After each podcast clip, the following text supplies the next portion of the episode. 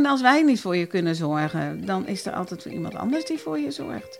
Dat vertrouwen wil ik hebben, maar dat heb ik ook.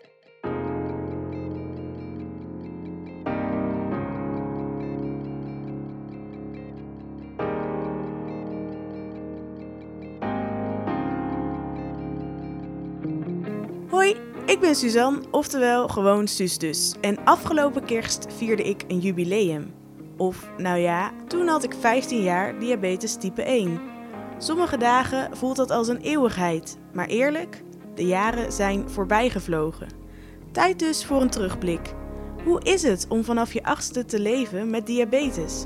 En wat is er in de jaren veranderd? Ik deel het graag met je in deze podcast Gewoon Diabetes dus.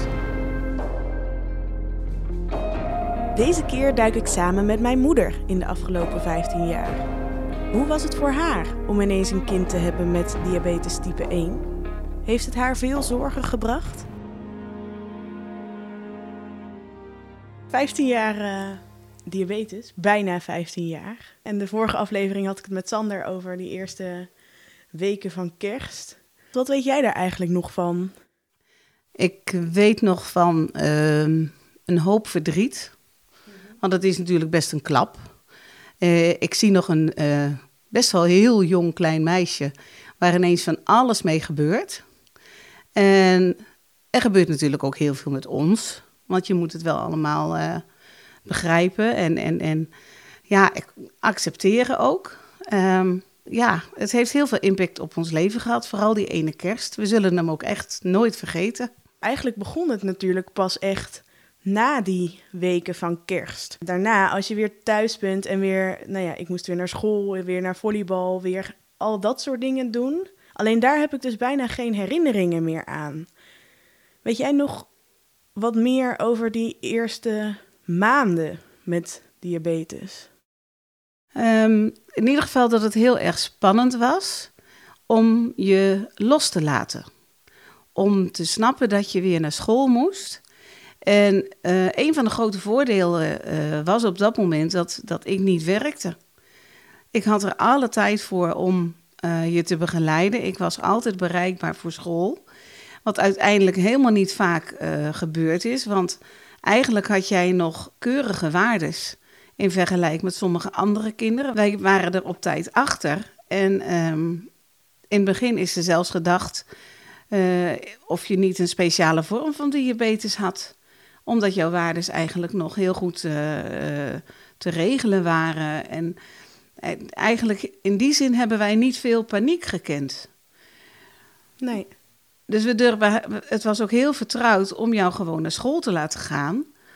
Ik was altijd bereikbaar en, en ik kon er zo zijn. En en is dat vaak gebeurd dat dat nodig was? Want dat soort dingen weet ik dus niet eens meer dat jij er was als het nodig was. Of ik kan me ook geen moment meer herinneren dat er iets mis is gegaan op school. Ik, ik kan me daar ook niet zo heel veel meer mee voorstellen. Toen kwamen we nog gewoon elke middag een uur thuis. En in die tijd was gewoon eigenlijk alles te regelen. Ik, kan me ook, ik weet ook niet of jij moest spuiten op school. Of dat je moest prikken op school. Nou, ik denk dat dat niet eens in het begin zo was. Want ik heb een beetje terug zitten kijken in al die verslagen uit het ziekenhuis, uit die eerste periode. En daar stond heel vaak in dat ik in het begin moest ik twee keer spuiten. En dat werd op een gegeven moment drie keer kortwerkende insuline, die je echt voor eten eigenlijk spuit. En één keer op een dag kreeg ik dan de Lantus. En dat was dan de langwerkende, die je eigenlijk de hele dag bezighoudt, zeg maar. Um, maar dat kwam pas later. Dus die eerste periode spoot ik denk ik nog maar twee keer op een dag. Um, en dat en gebeurde ik... gewoon thuis? Misschien ook wel omdat wij zelf uh, er geen toestanden van maakten en geen uh, angstige dingen. Um, is het ook wel heel geleidelijk allemaal gegaan. En ik denk dat het.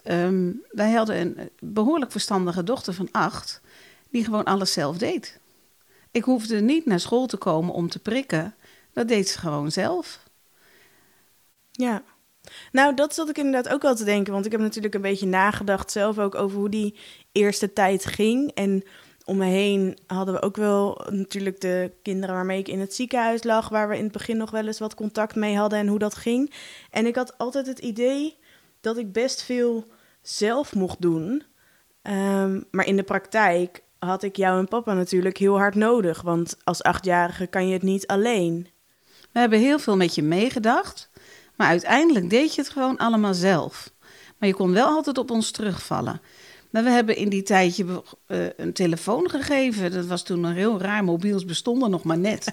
Een grote gele koelkast, zoals ze dat tegenwoordig noemen. Is toch weer een beetje terug naar 1960. Ja, zeker weten. En, en die, die heb je volgens mij nooit gebruikt.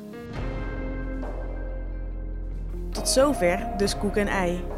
Eigenlijk ging het die eerste maanden ook nooit echt mis. Een gelukje?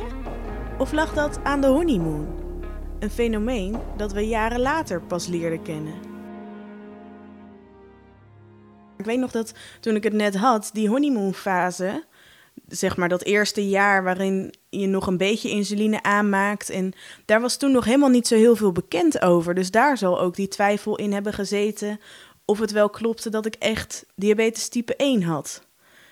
Dat, dat, dat hele, die overgangsperiode, die kenden ze eigenlijk nog niet zo goed in het ziekenhuis. En, jaren later ook is dat bekend geworden. Heel erg lang. Ja.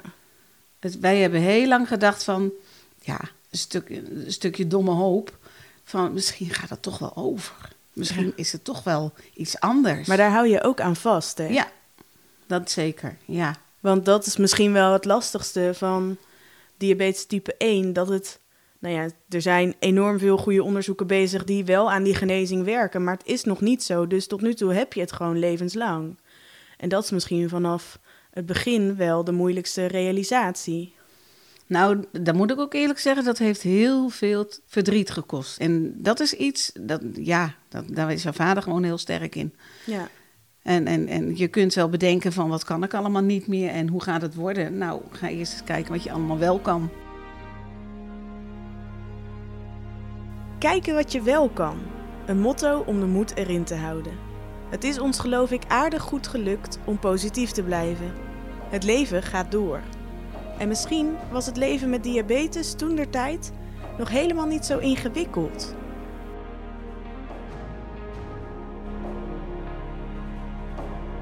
Dan hadden we het nog niet over pompen en, en weet ik het allemaal, die toch het leven van het diabetes een stuk makkelijker hebben gemaakt.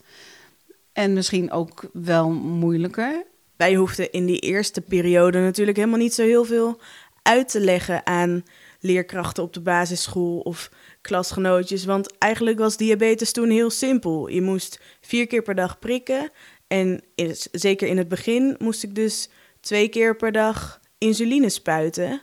En dat is op zich een redelijk eenvoudige instructie. En als het te laag wordt, uh, als je bloedsuiker omlaag gaat, dan moet je wat eten. En als het te hoog wordt, dan moet je iets meer insuline hebben. Eigenlijk was dat heel simpel. Terwijl als ik nu soms denk wat er aan sommige leerkrachten op de basisschool moet worden uitgelegd aan hoe een insulinepomp werkt en wat ze kunnen zien op een sensor. En met die beschikbaarheid van gegevens wordt er misschien ook wel meer verlangd van anderen om daar ook kennis van te hebben. Ja. Want hebben jullie toen veel uitgelegd aan, de, aan, aan mijn juf, was dat toen geloof ik? Wij hebben het, het voornamelijk allemaal zelf gedaan, want het grootste probleem was loslaten. Dat, dat wij er niet altijd bij konden zijn. Mhm. Het, het, geluk is dus echt geweest dat ik best wel vaak ook daar op school was. Ik, ik mhm. eh, was hulpmoeder. De hulp was Met altijd ieder schoolreisje mochten wij mee. Ja. Dus wij waren wel altijd in de buurt. En we probeerden wel je zoveel mogelijk daarin los te laten. Maar jij had altijd wel een van ons in de buurt. En zoals zo'n, er waren ook voorlichtingsavonden voor leerkrachten. Weet jij of er ook juffen of meesters van mij naartoe zijn geweest? Die zijn niet geweest. Die zagen daar de noodzaak niet van in. Uh, dat vond ik wel moeilijk. Dat weet ik nog, dat ik dat heel moeilijk vond. Maar uh, zij vonden, het was ook op dat moment, en dan heb, heb, ik het over de laatste jaren van de basisschool, nog niet zo. Het ging heel goed met jou. Misschien is dat nu ook nog wel veel gebruikelijker en veel meer van toegevoegde waarde. Want ik denk oprecht dat het de afgelopen 15 jaar maar ik denk ingewikkelder ook dat het te maken is heeft met um, dat wij er heel soepel mee omgingen. Wij hebben het niet. Het ging ook, heel, het ging ook allemaal best wel soepel. En met, en met humor. Ik denk ook wel dat dat wel, want je zei inderdaad dat um, dat alles zo normaal mogelijk was en dat het ook een beetje lollig moest zijn. Ik denk dat dat ook wel heel erg geholpen heeft. Want... Ja, en daarom denk ik ook dat wij ehm, niet de dwang bij die leerkrachten neergelegd hebben om, ehm, om die cursussen of wat dan ook te volgen. Want het waren echt wel cursussen, cursusavonden, bijeenkomsten. Nou ja, dat zal denk ik, als ik dat zo lees af en toe, dan denk ik dat dat voor de meeste is wat er gebeurt. Dat ouders toch wel altijd paraat moeten staan. En als ik het zo hoor, hebben jullie dat ook gedaan. Alleen bij ons was het heel makkelijk in te passen in tenminste, of relatief makkelijk in te passen in hoe het leven op dat moment was. Omdat jij vooral invalwerk af en toe deed. Maar dat was dan op de school waar ik zelf zat. En verder was jij thuis. Dus dat is in die zin heel gunstig. En daar had ik het de vorige aflevering met Sander over. En daar hadden we het ook over dat het met kerst eigenlijk ook heel gunstig was dat jij vrij was. En want de kerstvakantie en um, dat, ja, qua, qua timing kwam het gewoon niet heel slecht uit. Ja, diabetes komt altijd slecht uit.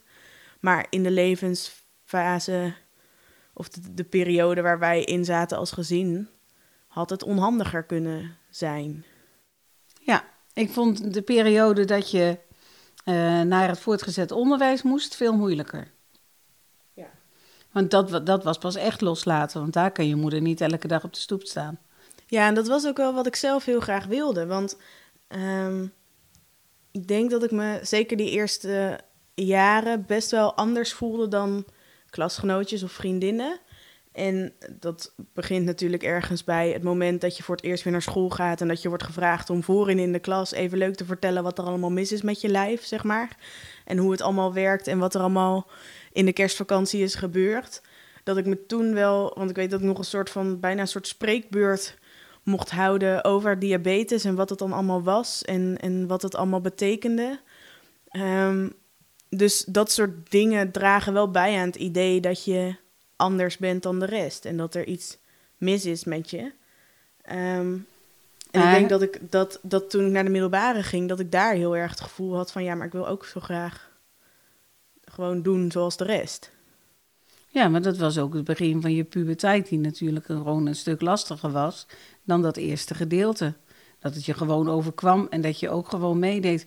Ik weet nog dat ik een artikeltje las in de Magriet over uh, een, een, een ouder.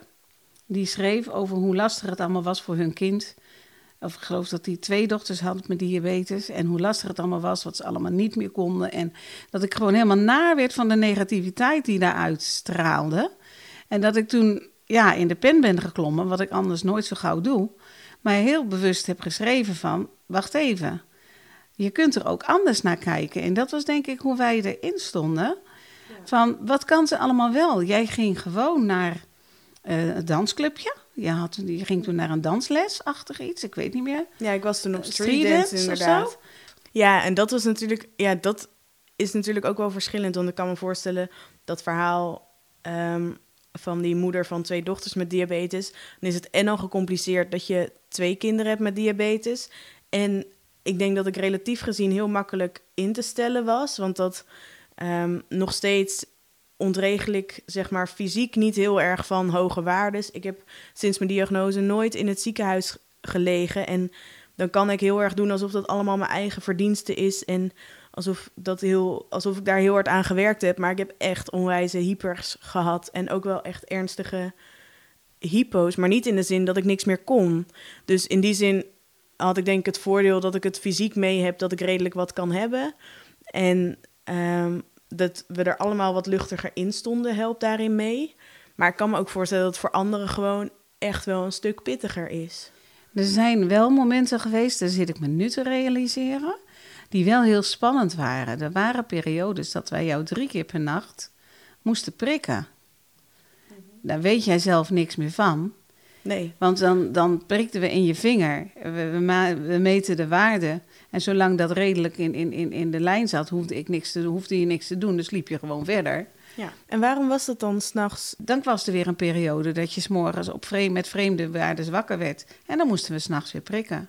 Dus we zijn wel heel veel, in die zin wel heel veel met je bezig geweest. Maar dat realiseer ik me nu. Dat zijn dingen die vergeet je ook weer, denk ik. Nou ja, maar dat is het. Want ik weet zo weinig eigenlijk nog van die eerste Ja. Maar ook jaren. de eerste keer dat je aan het overgeven ging, dat ik, dat ik echt wel even in de paniek schoot. En dan ook, we hebben, eh, dat ik van, van, van, van je vader niet zo snel naar het ziekenhuis moest bellen. Maar dat ik dan zoiets had van, ja, maar ik weet het maar gewoon niet meer. Laatst had ik een discussie met andere mensen met diabetes over die regel braken is bellen. En sommigen Ja. doen dat heel trouw. En ik zei, ja, als ik iedere keer dat ik aan het braken ben moet bellen, nou dan blijf ik aan de gang. Want ik heb eigenlijk vanaf vrij jong al migraine, waardoor ik af en toe gewoon eh, heel ja, lang maar aan ook voor die tijd, ga. als En- wij eh, s s'nachts naar Zwitserland reden, dan ging je, ging je aan het spugen. Ja. al. Maar ja, dat is dus ook onze omgang daarin. Dus vrij losjes geweest. Want dat braken is bellen hebben we echt bijna nooit gedaan. Nee, ik denk dat dat misschien drie keer voorgekomen is, als ik het echt niet meer wist. En misschien dat we dat in het begin nog wat Ja. trouwer deden, maar... Ja, maar ook echt alleen maar. En nou, eer dat je dan eens even iemand aan de telefoon had, dan ging je, dat ging over zoveel schakels. Maar dan moest natuurlijk ook eerst even een arts of Ja. diabetesverpleegkundige wakker Die moest worden. En, eh, worden. ja. En of die was net ook bezig met een ander. Want eh, in de periode dat jij diabetes kreeg, eh, was er een hele golf van, Mhm. van mensen die diabetes kregen. Ja, dus dat, ze waren er ook heel erg druk mee. en toen dachten ze heel erg dat dat een golf was. Terwijl nu is dat bijna normaal geworden. Maar voor die tijd was er een bepaalde griep. En die hadden jullie allemaal gehad. En daarna stak het de kop op. Ja, dat en vind ik dat- toch wel heel frappant. Dat is wel grappig wat er dan de afgelopen 15 jaar gebeurt. Toen was dat echt zo'n. Oh, dit is wel een frappant dingetje. ehm, maar ja, op zich heeft dat geen verband. Dus het is vooral toevallig dat dat gebeurt, maar we kunnen er niet veel mee. Terwijl nu wordt er echt wel onderzoek gedaan naar het effect van bepaalde eh, griepvirussen of, of bepaalde andere factoren die ervoor kunnen zorgen dat er zo'n piek in het aantal mensen met type 1 is. Ja, Dus dat is wel interessant wat er dan in zoveel jaar aan ontwikkelingen ook wetenschappelijk zijn. Dat we af en toe, ook wat betreft die honeymoonfase, dat die bij mij heel lang duurde. En toen werd er gezegd, nou, die duurt echt maximaal een half jaar. En drie jaar later zat ik op een of andere informatieavond en werd er gezegd, ja, nee, we zijn er inmiddels achter dat die periode heel erg wisselt per persoon. Dus die ontwikkelingen gaan natuurlijk razendsnel. Soms is het nauwelijks bij te houden. De technologische ontwikkeling als het gaat om de behandeling en misschien zelfs wel de genezing van diabetes type 1. Maar die eerste jaren waren het minder innovatieve ideeën die mij hielpen aan betere bloedglucosewaardes.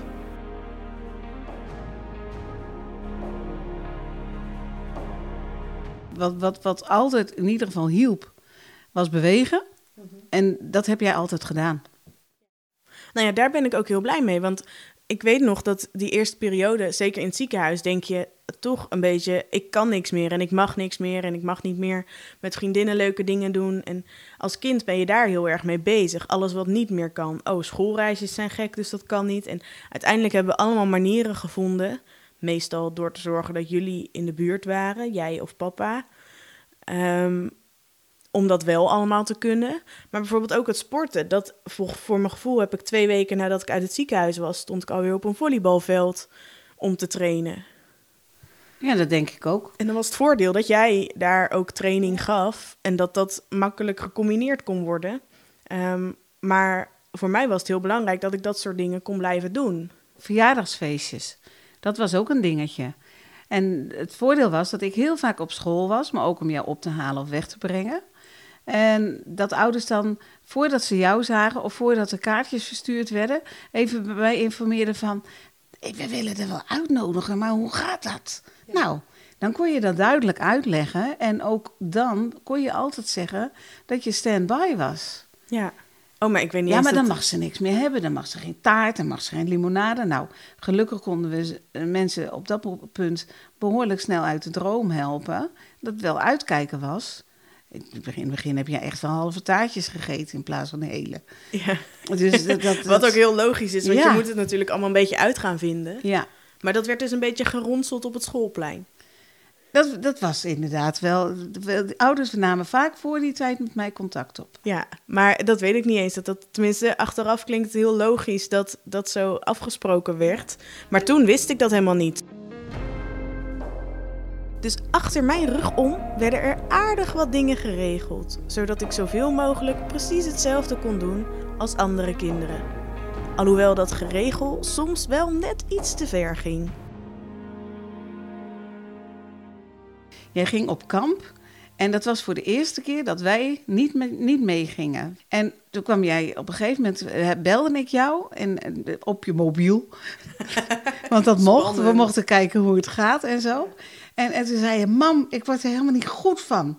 Jij hebt gezegd tegen de juf dat ze, dat ze me in de gaten moest houden. Dan vraagt ze iedere vijf minuten hoe het met me gaat. Maar dat is toch ook irritant dat iemand dat dan iedere vijf minuten gaat vragen. Ja, maar ik snap de bezorgdheid van die leerkracht achteraf heel goed. Nou, ik denk dat dat inderdaad het kamp in groep 8 was. En dat hadden we aan het begin van het schooljaar. En toen zaten we allemaal in blokhutten op een soort camping met een zwembad. En ik weet ook wel, dan ging ik zwemmen en dan dacht ik halverwege... Oh, maar dit gaat niet helemaal lekker, want eh, nu voel ik me toch wel duizelig. En dan had ik echt een vet grote hypo. Maar ja, het was kamp, dus er lag ook overal snoep en allerlei zooi. Dus ik wist ook dat ik dat super snel kon verhelpen. Ja, maar het is achteraf denk ik, hoe spannend was dat voor die leerkracht? En, en ja, dan kan ik nog wel een verhaal vertellen. Dat je eh, voor het eerst eh, in het voortgezet onderwijs ging skiën. En dat er, ehm, ja, dat vond ik toch wel heel erg moeilijk. Je ging helemaal naar Duitsland. Toen heb ik een mail gestuurd naar eh, jouw, eh, is dat jouw goede klassenleer? Wat was? Mentor. Mentor, denk ik. hè? Ja. Dus toen had ik een, een, een, een briefje eh, brief gestuurd van zus en zo is het geval. Ehm, willen jullie informatie? Ehm, eh, weten jullie genoeg? Of, en ik had ook ja, echt wel bepaalde tips daarin gezet.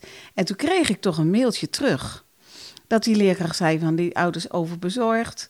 En eh, dat het een beetje onzin was dat eh, ik op deze manier een mailtje stuurde.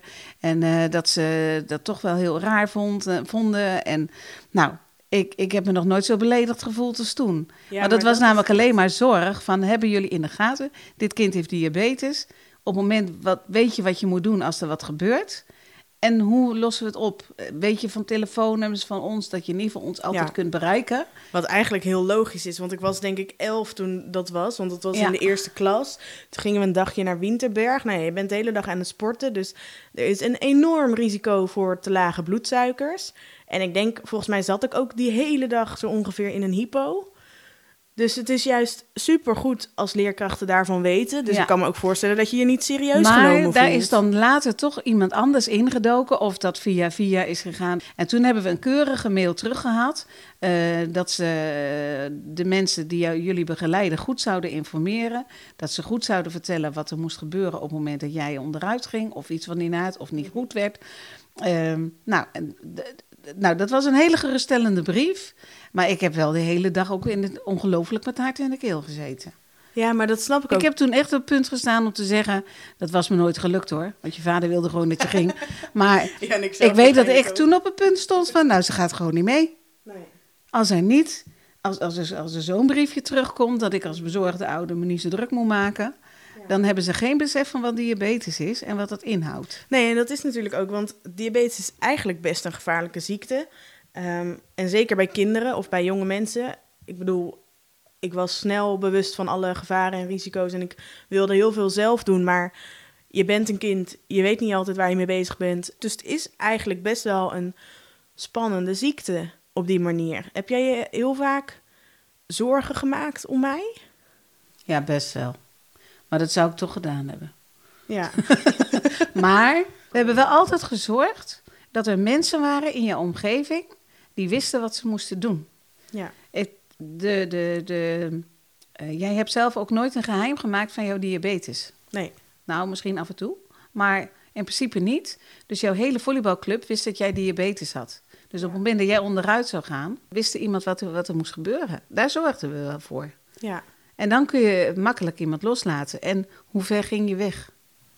Nou ja, uiteindelijk ben Ja, ik Het is allemaal in de buurt geweest. Uiteindelijk ben ik best wel een dorpsmeisje dat alles lekker dicht in de buurt doet. Ja. Dus wat dat dan gaat, valt dat natuurlijk mee. Maar ja, die afstand nou, tussen ons is wel de steeds keuze groter van jouw school. De eerste keuze die jij maakte was... ik ga naar het Beekdal in Arnhem. Ja, Het verste fietsen wat je kunt bedenken. ja. Nou, daar hebben we van gezegd, dat gaat niet gebeuren. Maar dan ben je dus toch best wel bezig geweest met die dat dingen dichtbij of veilig genoeg moesten zijn. Ja. Ook om die diabetes. Echt juist puur om die diabetes eigenlijk. Ja. ja. Ja, zeker weten. Ja.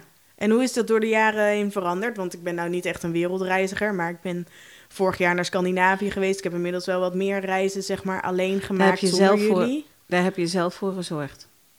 Dat het veilig voelde. Dat het veilig voelde. Jij bent nooit gaan stappen. Nee. Je ging wel met vriendinnen gezellige dingen doen. Mhm. Maar jij bent niet o- in het donker op de fiets heen en weer naar Arnhem geweest. Wat ik vriendinnen van jou hoorde, hoorde dat die dat deden. En denk jij dat daar diabetes ook nog een invloed op heeft gehad? Nou, ik denk dat eh, jij...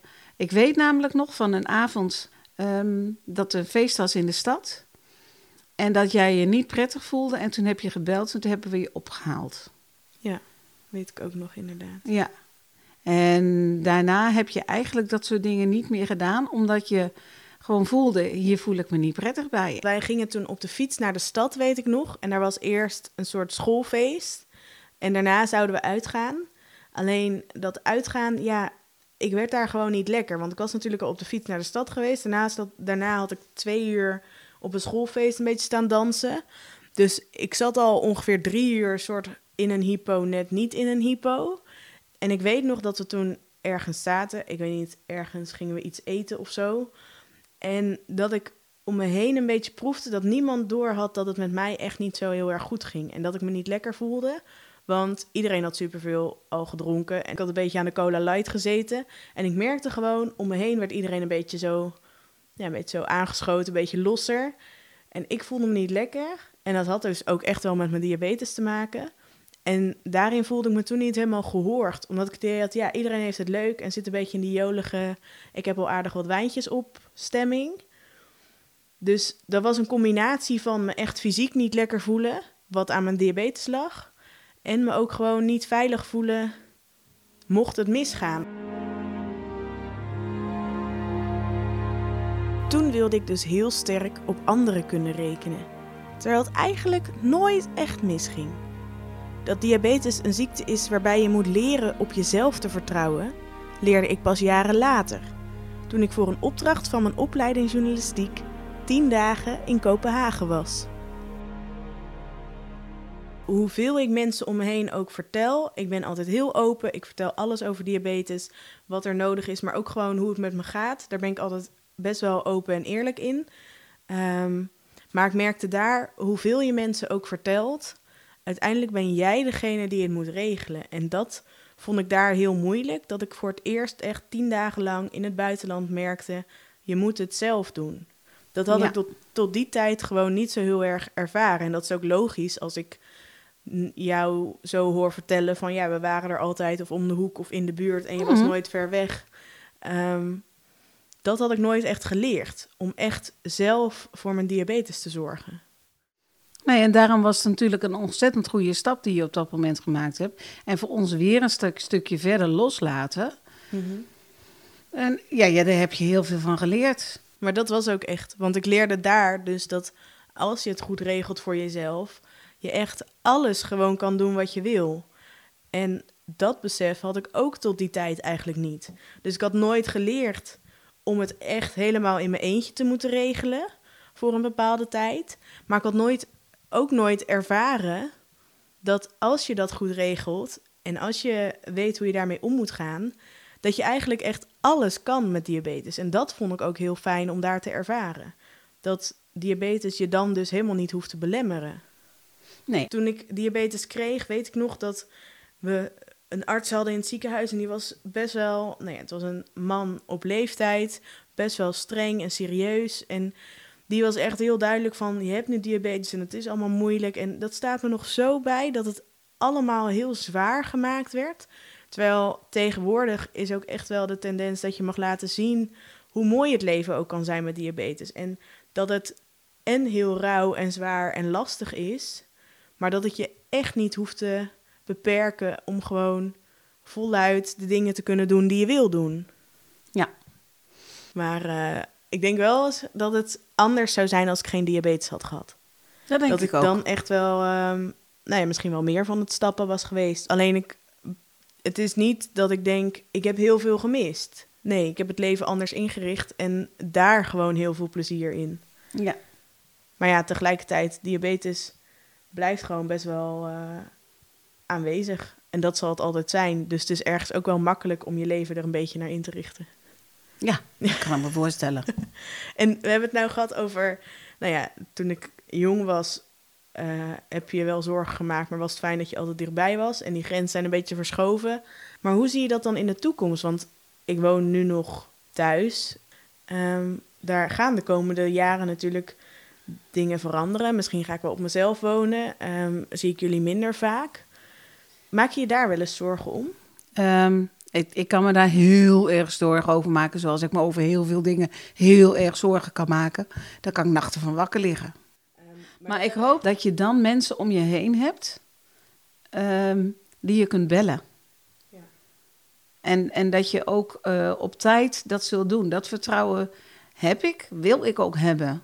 En, en ik denk dat, dat, dat, je dan, dat we je dan hartstikke goed los kunnen laten. Want dat moet gewoon gebeuren. Dus zelfvertrouwen in, uh, in de toekomst, in mijn Ja. toekomst. En als wij niet voor je kunnen zorgen, dan is er altijd iemand anders die voor je zorgt. Dat vertrouwen wil ik hebben, maar dat heb ik ook.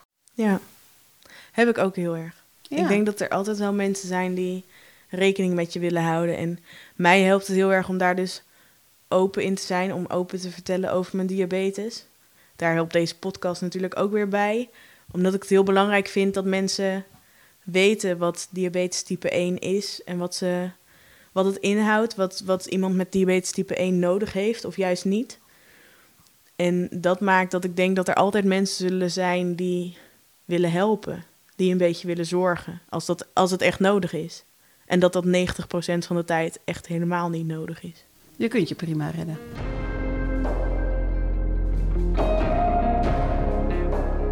Gewoon Diabetes dus is een podcast over mijn leven met 15 jaar diabetes type 1. Ik geef je een kijkje in hoe diabetes mijn leven heeft veranderd en laat je kennis maken met de mensen die de afgelopen jaren een belangrijke rol hebben gespeeld. Op de hoogte blijven van de podcast? Volg het Gewoon Diabetes dus op Instagram en abonneer je op de podcast via Spotify of je eigen podcast app.